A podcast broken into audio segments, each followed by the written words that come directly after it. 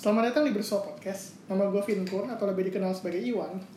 Gue Cubertus, biasa dipanggil Rigan. Nah, kita di sini mau ngelanjutin apa yang udah kita omongin di part 1 nih. Kemarin di part 1 kita udah ngomongin apa ya, Gan? Kita ngomongin tentang ketakutan pokoknya. Kita ngomongin COVID, terus kita ngomongin fear, kita ngomongin risk perception, kita juga ngomongin tentang apa hubungannya dari ketiga hal itu. Nah, terus yang penting kita juga menghubungkan ketiganya itu dengan kasus yang lagi happening saat ini, COVID-19. Nah, di sini mungkin kita mau coba nih gali lebih dalam ke yang lebih real, yang lebih Yes, nyata masalah yang kita hadapi sebagai masyarakat Indonesia dan juga mahasiswa Fakultas Kedokteran. Nah, kita mulai dari mana nih? Em, mungkin kalau sekarang kita ngobrol tentang mungkin ini ya yang yang kelihatan lah ya sehari-hari mungkin kayak ekonomi ya Ekonomi. tapi bukan kayak ekonomi karena itu bukan ahli ekonomi ya mungkin kita ngelihat kayak orang-orang yang kerja gitu apa dampaknya terhadap mereka mungkin kita Oh. bisa kita ngomong. bahas ekonomi tapi yang kita sebagai masyarakat nih kita Iya. alami juga nah Yes. wah asik nih gue punya cerita nih cuy Gimana? jadi ya ini sebenarnya cerita dari pengalaman gue sendiri oke oke nah jadi gue tuh kan aslinya orang Jakarta ya jadi wah, bokap gue sebagai kepala keluarga dan juga tulang punggung keluarga beliau punya usaha dia eh, kerja sebagai penyedia jasa wirausaha dalam penyedia jasa nah sebelum pandemi ini eh, sumber pendapatan dari keluarga gue ini emang cuma eh, bersumber dari bokap gue aja nah bokap gue ini eh, mendapatkan pendapatan untuk menghidupi keluarga dan perusahaannya melalui interaksi antara uh, yang butuh jasa, di sini ada klien atau konsumen yang mem- uh, pengen uh, mendapatkan jasa dari perusahaan bokap gue. Nah, Hmm. sebelum pandemi semua itu lancar, semua itu berjalan dengan baik, uh, income perusahaan dan dari bokap gue untuk menghidupi keluarga gue ini jalan, perusahaan dapat berkembang sampai pada bulan Maret 2020 ketika WHO menetapkan pandemi global terhadap COVID-19 ini, usaha bokap gue harus mau nggak mau ya menghadapi masa suramnya lah ibaratnya gitu ya. Hmm. Jadi uh, pendapatan berkurang karena di sini ya klien dan konsumen juga berkurang karena uh, sudah tidak perlu jasa bokap gue lagi karena ada pandemi dan juga otomatis dari bokap gue sendiri ya mau nggak mau juga ya harus ya mengalami masa sulit lah untuk uh, bangkit lagi dalam aspek finansial ya. karena di sini kan sumber pendapatan keluarga gue dari uh, bokap gue. Nah terus ujung-ujungnya fast forward 4 bulan ke depan di sini. berarti masa akhirnya- pandemi sekarang ini Mm, ya Sekarang selama pandemi ini bokap gue memutuskan untuk pulang ke Solo ke rumahnya di Solo. Nah selama di Solo ini ya mungkin pertama awal-awal pandemi nih ya, Hmm. gue dan keluarga mensia- mensiasati situasi ini dengan berhemat. Di mana secara berhemat ya mengurangi penggunaan misalnya kalau di rumah kan mengguna- mengurangi penggunaan listrik, mengurangi penggunaan air, terus juga uh, misalnya untuk uang makan mungkin juga jadi berkurang seperti itu ya. Mungkin di sini kalau boleh gue cerita pribadi nih, uh, gue dulu biasanya tiap mau tidur tuh pakai AC.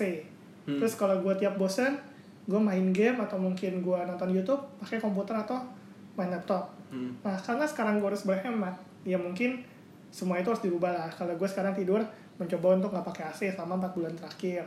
Terus juga kalau gue bosan, kalau gue butuh hiburan, gue memilih untuk tidak main game karena ngabisin listrik.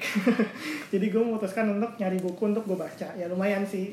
Gue jadi bisa baca buku, gue bisa jadi untuk develop myself lah. iya iya Nah terus tapi setelah beberapa waktu ternyata perhematannya nggak cukup cuy. Di sini ya keluarga gue memutuskan untuk eh, wah ternyata uang dari berhemat aja kurang. oke jadi apa yang lo lakuin Nah gue sendiri sama keluarga gue mensiasati dengan untuk membuka usaha seperti itu ya sesuai minat dan bakat masing-masing. Di sini mungkin kalau nyokap gue tuh hobi masak, beliau eh, bikin warung, bikin warung maksudnya warung online ya di sini Iya, karena iya. menaati protokol kesehatan.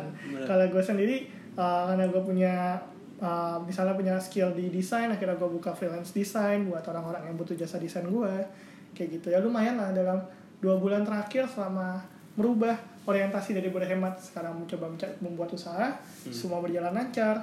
Ya maksudnya nggak selancar dulu sih, cuma at least untuk survive aja cukup lah. Di sini itu yang gue alamin sih. Kalau lu sendiri gimana? Wah, kalau gue sendiri sih ya terutama dari dari keluarga gue ya kalau lu cerita keluarga berarti biar apple to apple gue bahas tentang keluarga gue juga Eh, untuk bokap gue udah pensiun mak gue eh, masih kerja di di kantor berarti kerja sama orang gitu ya. Kalau seandainya gue ngomong ke mak gue maksudnya dia pernah cerita gitu ya ke gue mungkin nggak banyak bahwa pada masa pandemi itu emang banyak dampaknya banyak dampaknya terhadap uh, usaha pertama terhadap perusahaan-perusahaan di mana ya kan mungkin klien berkurang. Seperti yang tadi udah lo bilang gitu ya klien berkurang tapi expense tetap gitu bahwa perusahaan-perusahaan harus tetap bayar uh, gaji orang lain gitu. Nah tapi mungkin perusahaan hmm, di tempat magang kerja ini mungkin masih kuat gitu ya. Jadi be bisa bayar semua orang ya gitu ya yang kerja di situ untuk masa pandemi. Tapi kalau seandainya dari cerita-cerita memang income itu emang berkurang gitu ya. Dari konsumen sendiri berkurang gitu. Ya tapi kan ini dari kita ya dari kita. Mungkin kalau seandainya gue boleh bahas yang lebih relevan mungkin gue pengen nambahin sesuatu yang gue lihat di lingkungan sekitar gitu ya.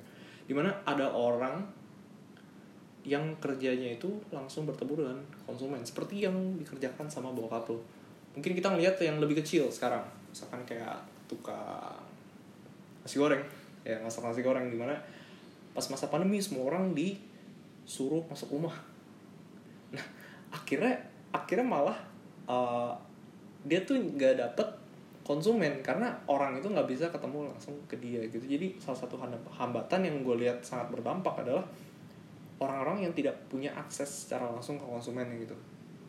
Gitu dan dari uh, satu sisi yang gue lihat berhasil dalam pandemi ini sendiri adalah usaha-usaha yang memiliki akses ke internet. Gitu. Lo ngeliat sendiri gak sih? Kayak uh, usaha-usaha misalkan ada usaha jualan toko yang punya toko online gitu. Itu mungkin bisa lebih berhasil gitu loh. Nah tapi kalau seandainya orang yang bertemu langsung gitu ya orang bertemu langsung dengan konsumen itu menurut gue yang terdampak paling berat gitu. Bener cuy gue emang setuju sama yang lu sebutkan tadi terkait pekerja lapangan terutama yang khususnya emang gak punya akses sama konsumen atau yang gak punya akses sama lapangan pekerjaannya di sini rentan cuy untuk menghadapi uh, ibaratnya ya penurunan pendapatan hmm, ya. Di hmm. sini emang resiko kalau gini namanya nah mungkin yang tadi pagi gue juga baca berita cuy tentang Gimana? di Kompas tentang ini usaha mikro kecil menengah UMKM di mana sekarang UMKM itu pendapatannya turun 80% semenjak sebelum pandemi. Karena apa? Ya karena tadi faktor yang sama.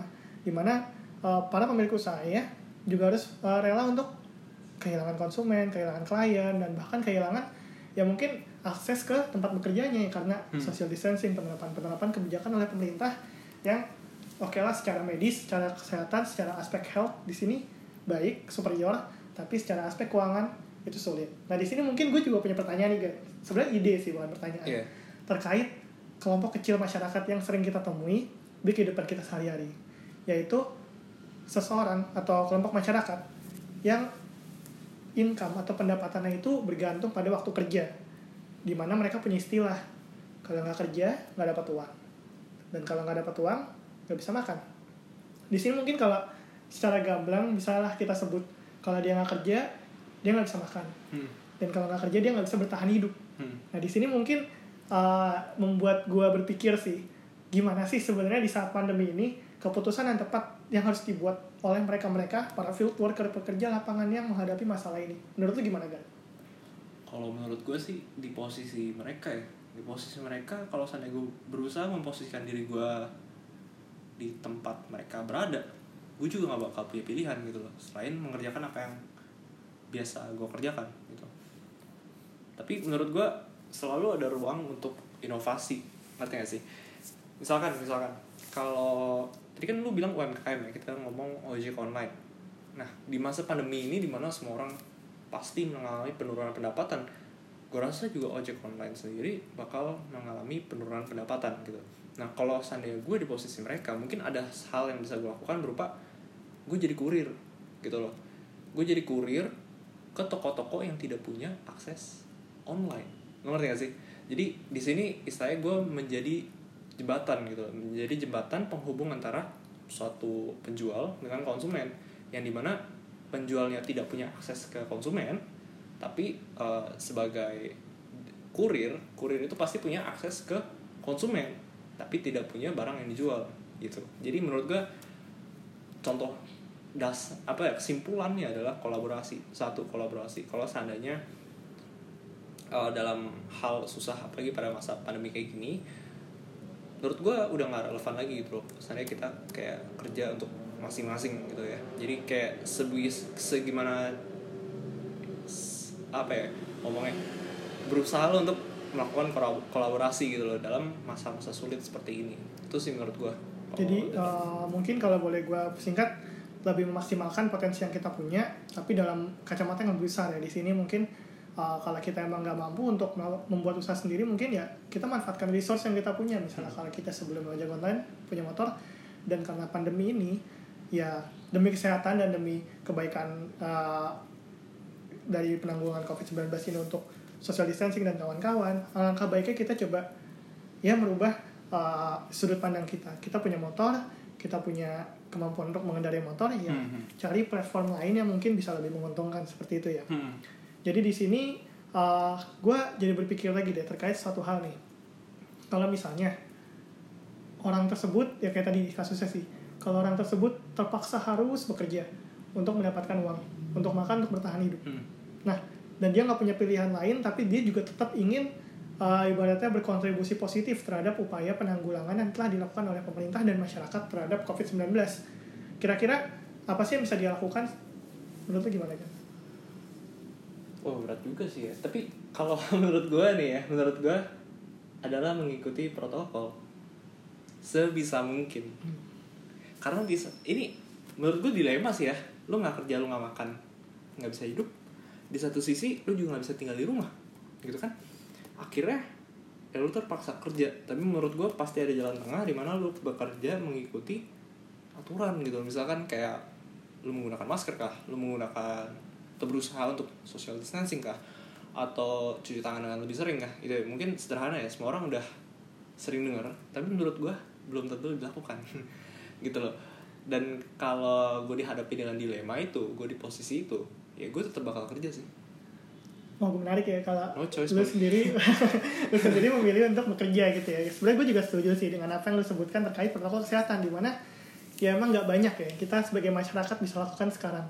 Kalau kita nggak kerja, peluang kita untuk mati karena kelaparan dibanding mati karena covid lebih tinggi mati karena kelaparan seperti itu ya. Di sini emang kita dihadapkan oleh pilihan yang tidak tidak ya tidak sepenuhnya benar ya pada satu sisi. Di sini apa yang bisa kita lakukan adalah menjaga kesehatan kita menggunakan protokol kesehatan. yes Emang gue setuju sih itu. Di sini juga perlu dicatat juga pemerintah juga melakukan uh, kalau boleh gue apresiasi ya tahap yang uh, menuju tahap yang tepat. Mereka mulai membuat aturan new normal di mana tidak cuma uh, mengatur dari pihak uh, pekerjanya, tapi juga dari institusi di mana mereka bekerja. Di sini dari Kemenkes sendiri menetapkan bahwa setiap institusi atau setiap perusahaan atau setiap lapangan pekerjaan untuk menjamin kesehatan dari pekerjaannya. Nah, di Hmm. sini kita cuma bisa berharap sih kan kalau ini dapat berjalan lancar, semoga nanti ekonomi kita tumbuh, tapi kita juga bisa untuk membenahi COVID-19. Nah mungkin terkait ide ini, ide terkait untuk memajukan ekonomi dan menanggulangi COVID-19 ini, kalau boleh gua paralelkan dengan kasus lain yaitu pendidikan. Ini Boleh, sebenarnya masalahnya kita kita sebagai mahasiswa nih, kita mengalami hal yang sama cuy. Kayak baru aja berapa bulan, 4 bulan yang lalu ya. 4 bulan lah sebelum sebelum bulan Maret kita lagi mendalami uh, materi kuliah terkait uh, blok obstetri dan ginekologi di mana kita uh, masih kuliah normal masih kuliah uh, bahkan masih praktikum ya terakhir itu Masih- ya masih praktikum. ingat banget gue sebelum pandemi ini Praktikum PA. kita praktikum PA sama PK Iya, di mana PK. kita yang cowok jadi ya tumbal. Udahlah, ya dan jadi itu tumbal. itu mungkin uh, cerita buat podcast episode yang lain. Nah intinya di situ kita masih fokus-fokusnya belajar masih fokus-fokusnya praktikum. Tapi pada suatu hari ditetapkanlah pandemi COVID-19 di mana setelah hari itu semua tidak menjadi normal. Semua menjadi kalau boleh beropini menjadi tantangan baru ya buat kita semua ya. Iya. Nah, di sini mungkin terkait kuliah daring. ya, gue tertarik nih buat bahas ini nih, khususnya tentang kuliah jarak jauh. Nah, lu sendiri punya nggak kan preferensi atau mungkin pendapat terkait kuliah jarak jauh ini? Apakah lu merasa ter- uh, dimudahkan atau lu merasa dipersulit dengan adanya COVID-19 dan kuliah jarak jauh ini? selalu ada dua sisi ya tapi kalau gue pribadi sih kalau gue pribadi gue merasa dimudahkan kenapa karena ada yang namanya freedom lu bisa milih waktu lu untuk belajar lu bisa milih waktu lu untuk istirahat lu bisa uh, memilih tempat yang lu suka untuk lu belajar. Mungkin ada beberapa orang yang suka ya belajarnya di rumah di kamar gitu ya. Tapi mungkin nggak dipungkiri juga ada orang yang sukanya belajar rame-rame gitu loh. Kalau sendiri mungkin dia rasanya ngantuk atau gimana gitu. Tapi kalau gue sendiri emang lebih suka belajar di tempat yang tenang. Jadi uh, ini benefit buat gue gitu. Buat gue sendiri menurut gue lebih enak sih lebih nyaman tapi emang uh, pressure-nya lebih tinggi karena ya sebenarnya pressure bukan datang dari pendidikan tapi dari pandemi ini sendiri gitu di mana kita lebih berkurang in- interaksi terhadap orang lain tuh sih menurut gue tapi kalau buat gue ya positif positif aja sih positif ya. Iya. Kalau boleh gue ngasih pendapat Gimana, juga gimana? nih, sejujurnya uh, pandemi COVID-19 ini um, merupakan uh, ibaratnya kalau boleh gue analogikan adalah batu sandungan buat gue. Kenapa ya? Kenapa gue bilang seperti itu? Karena gue adalah orang yang kalau belajar perlu orang lain, perlu teman, perlu Nah, ini. kelompok diskusi. Ya, nah ini, ini. yang tadi lu udah jelaskan bahwa gue tuh gak bisa belajar sendirian di kamar. Kalau gue belajar sendirian di kamar, lu tau apa yang terjadi? Tidur. itu terjadi berapa puluh kali dari kuliah daring yang sudah dijadwalkan oleh Fakultas Kedokteran UNS. Mohon maaf eh, dokter-dokter dosen yang membuat jadwal saya sering tertidur ya. di sini saya sampaikan saya secara gamblang. Oke, lepas dari itu eh, mungkin kalau boleh ambil benefitnya ya. Di sini gue setuju sama yang Rigan bilang. Freedom, kebebasan itu memang benar-benar menjadi poin plus ya dari pembelajaran online ini. Gue merasa bahwa walaupun gue suka tidur ya, gue merasa bahwa gue mendapatkan kebebasan untuk waktu belajar gue perharinya. Kalau waktu kuliah dulu, gue tuh paling gak suka yang namanya kuliah jam 7.50 dan asistensi jam 7 pagi atau setengah 7. Kenapa? Karena gue masih ngantuk dan rumah gue jauh dari kampus. Kalau tiap ada asistensi jam 7 pagi, gue pasti ketiduran atau enggak gue pasti kalau andekan bangun, gue ngantuk dan gue nggak bisa menyerap pelajaran dengan efektif. Di sini dengan sistem kuliah jarak jauh, waktu itu menjadi ibaratnya ya senjata lah buat gue. Lo kuliah videonya diupload di Google Drive dan lu kalau mau belajar ya udah buka. Kalau lu nggak buka pada jam Misalnya kalau lu nggak mau buka jam 7 pagi ya udah lu nggak usah buka jam 7 pagi, lu buka jam 9 pagi aja. Kalau lu udah bangun dan udah mandi, udah makan, udah seger, udah bisa belajar. Nah, ini gue setuju nih karena kita diberikan freedom dari waktu. Yang kedua, freedom dari uh, mungkin dari ini ya, uh, kapasitas belajar kalau boleh gue sebut. Di mana boleh boleh setiap orang kalau uh, boleh gue klarifikasi juga Merigan punya kemampuan belajar yang berbeda-beda di mana orang akan uh, mendapatkan materi atau kuantitas materi yang berbeda-beda pada setiap waktu yang diberikan. Misal gue dalam waktu sejam bisa ngabisin 5 halaman. Uh, atlas anatomi kalau Rigan bisa tiga buku dalam waktu ya enggak lah. Nah Ya kan? misalnya kayak gitu. Nah di sini gue merasa senang karena dengan kuliah jarak jauh ini waktu kuliah itu tidak terbatas. Dulu tuh terbatas cuma 100 menit ya kan? Iya, di mana betul. 100 menit kalau dulu tuh harus menyelesaikan satu PPT dari dosen. Kalau dosennya menyediakan satu PPT di mana satu PPT itu biasanya 70 sampai 100 slide ya, bisa belum lagi kalau dokter-dokternya memberikan materi yang lebih dalam di mana satu sesi kuliah 100 menit dia memberikan 5 PPT di mana setiap PPT 70 sampai 100 slide di mana di situ akan membebani mahasiswa khususnya mahasiswa-mahasiswa yang memiliki keterbatasan intelektual seperti saya. di sini saya open aja. ya enggak juga lah Nah, di sini dengan ada oke balik lagi ke kuliah jarak jauh ya. Dengan ada kuliah jarak jauh ini, eh, mahasiswa itu diberikan kebebasan untuk waktu belajar. Kalau emang butuh waktu yang lebih banyak, ya di, ya udah belajar lebih lama gitu ya kan. Gak Hmm. terbatas 100 menit. Mau hari ini baca PPT ini, PPT misalnya ya PPT A, satu hari ini ya udah baca aja satu hari 24 jam dedikasikan kepada PPT A sampai paham dan dosen juga nggak akan marah karena nggak ada dosen di situ di sini emang freedom ya diberikan jadi jaminan buat kita semua mahasiswa. Nah, mungkin di sini yang uh, boleh kita kaitkan juga adalah sebagai kita mahasiswa kedokteran nih, Gan. Hmm. Gue tertarik untuk mendengar pendapat lu terkait uh, skill. Di mana kita tahu kan kalau skill itu yes uh, sesuatu yang lu develop. Lu di mana lu gak belajar baca terus lu tidur terus lu bisa besoknya. Tapi ada sesuatu yang lu baca, lu pahami, lu bayangkan akan seperti apa lu lakukan dan besok lu lakukan dan besok lu lakukan lagi sampai lu paham dan bisa melakukan itu dengan baik dan di sini nggak mungkin secara kalau boleh langsung gua asumsikan ya sangat sulit untuk melakukan via daring via jarak jauh. Nah, menurut lu gimana kan maka itu menurut gua kalau di yang gua nggak tahu sih uh, perspektif dari fakultas lain ya. Karena mungkin kita harus ngundang gitu ya dari fakultas lain perspektifnya gimana. Tapi kalau menurut gua kalau di kedokteran sendiri nggak relevan gitu. Kalau seandainya lu mau ngaplikasiin 100% daring. Kenapa? Karena ya tadi yang lu bilang namanya skill. Itu butuh kontak gitu kan buku to contact dan aplikasi secara langsung. Ya mungkin untuk sekarang ini emang gak relevan ya karena adanya covid gitu. Kita juga nggak boleh kontak ke orang lain. Tapi di satu sisi kalau seandainya daring itu dilakukan terus menerus menurut gue menjadi tidak tidak bagus gitu ya. Karena ya masa lu dokter nggak ketemu orang gitu kan? Kan dokter itu bukan cuma lu belajar di kelas tapi lu butuh interpersonal skills gitu kan? Lu butuh ketemu orang butuh ngobrol butuh kenal orang secara langsung bagaimana berinteraksi dengan orang yang baik. Nah menurut gue itu yang nggak didapatkan di dalam daring ini. Terutama menurut gue bakal terdampak sekali pada uh, sejauh-sejauh yang koas gitu loh. Koas itu dihitung berdasarkan nggak tahu sih. Kalau menurut pendapat uh, teman gue yang angkatan 2012 2013 itu yang udah jadi dokter mereka bilang kalau udah pokoknya kalau koas lu ketemu ya pasien sebanyak banyaknya gitu kan.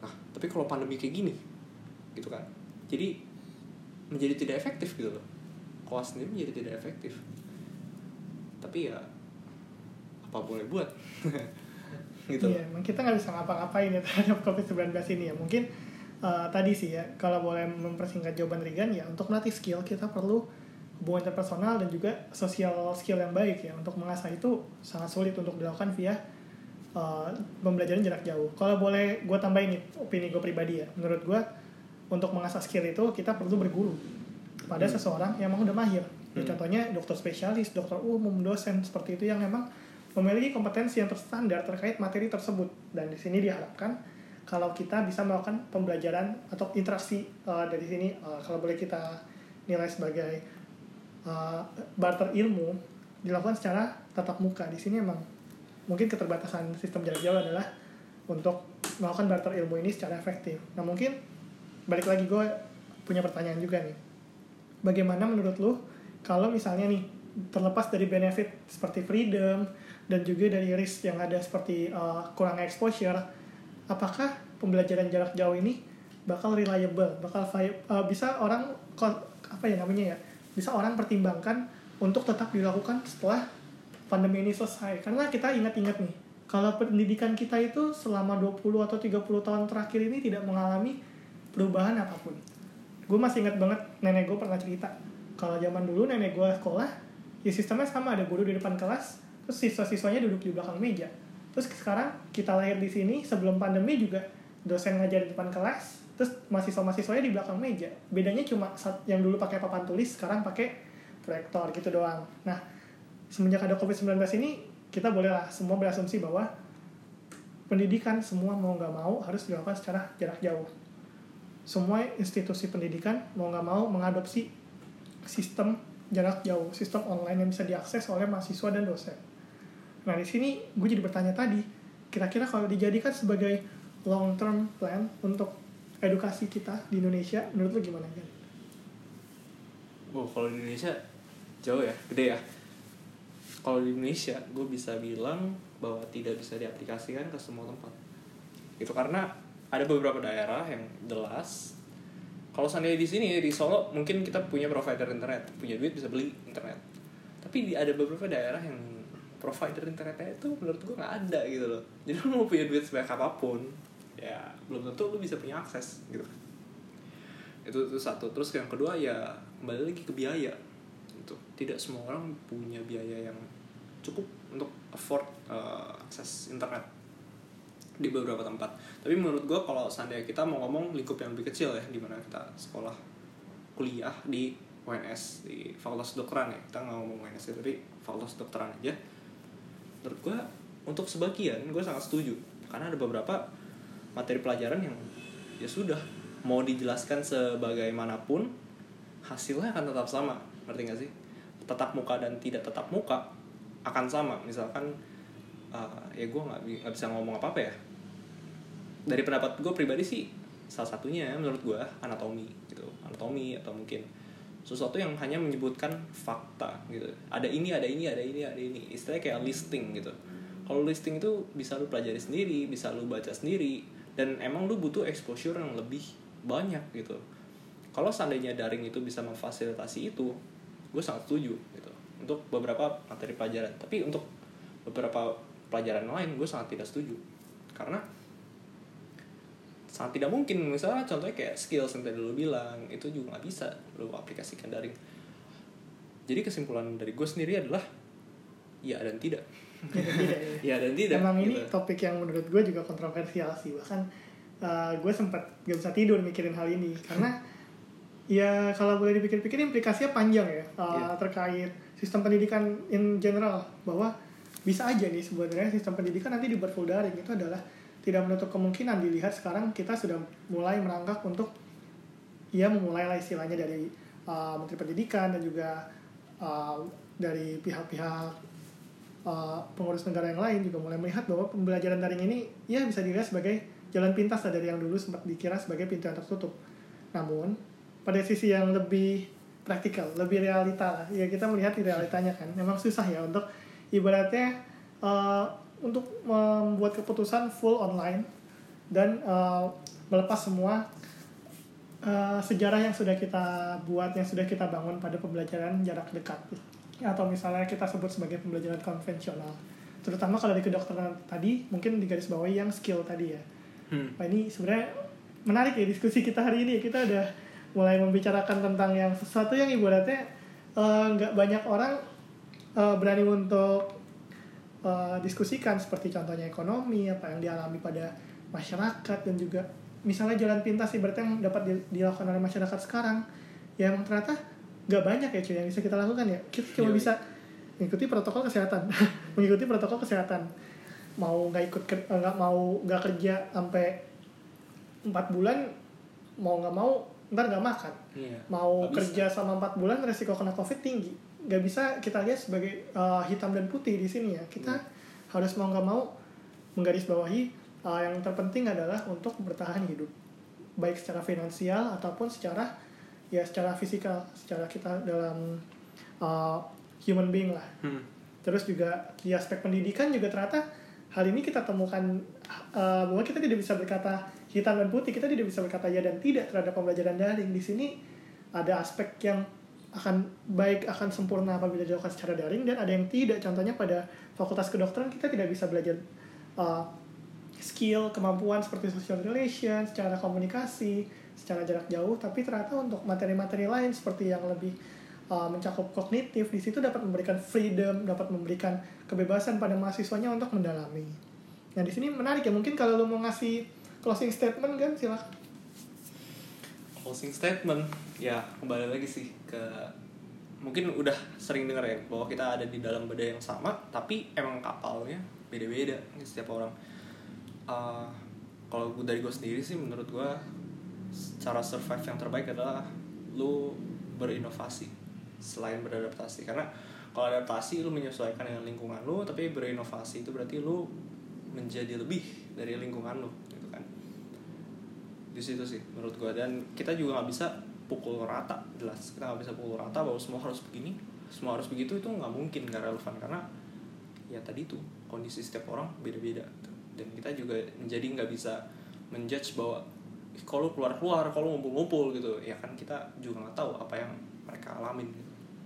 benar sekali gue setuju sama yang sebutkan nah di sini gue juga mau ngucapin terima kasih nih Gan ke pendengar-pendengar kita yang sudah mendengarkan mendengarkan podcast bersua. Nah misalnya dari pendengar-pendengar kita juga ada yang mau uh, ngajak kita diskusi tentang suatu topik bisa juga langsung kirim DM aja ke Instagram kita di gue @vinkur gue at Cubertus Nah, misalnya kalian mau minta kita untuk diskusi terkait suatu topik, boleh banget nyampein ke kita. Atau mungkin kalian uh, punya expertise di bidang misalnya uh, kalau kalian adalah mahasiswa sama mahasiswa kayak kita, atau mungkin kalian adalah uh, seseorang yang ingin mendiskusikan sesuatu bersama kita, tertarik untuk bertukar pikiran dengan kita, juga boleh untuk menghubungi kita di Instagram. Nah, mungkin uh, yang bisa gue sampaikan adalah tetap menjaga kesehatan, tetap patuhi protokol kesehatan, jangan sampai COVID-19 ini berdampak negatif untuk kita semua. Tetap ambil positifnya dan jangan lupa bersyukur. Gue Vinkur, gue Regan ya kita semua undur diri. Sampai jumpa di podcast bersua berikutnya.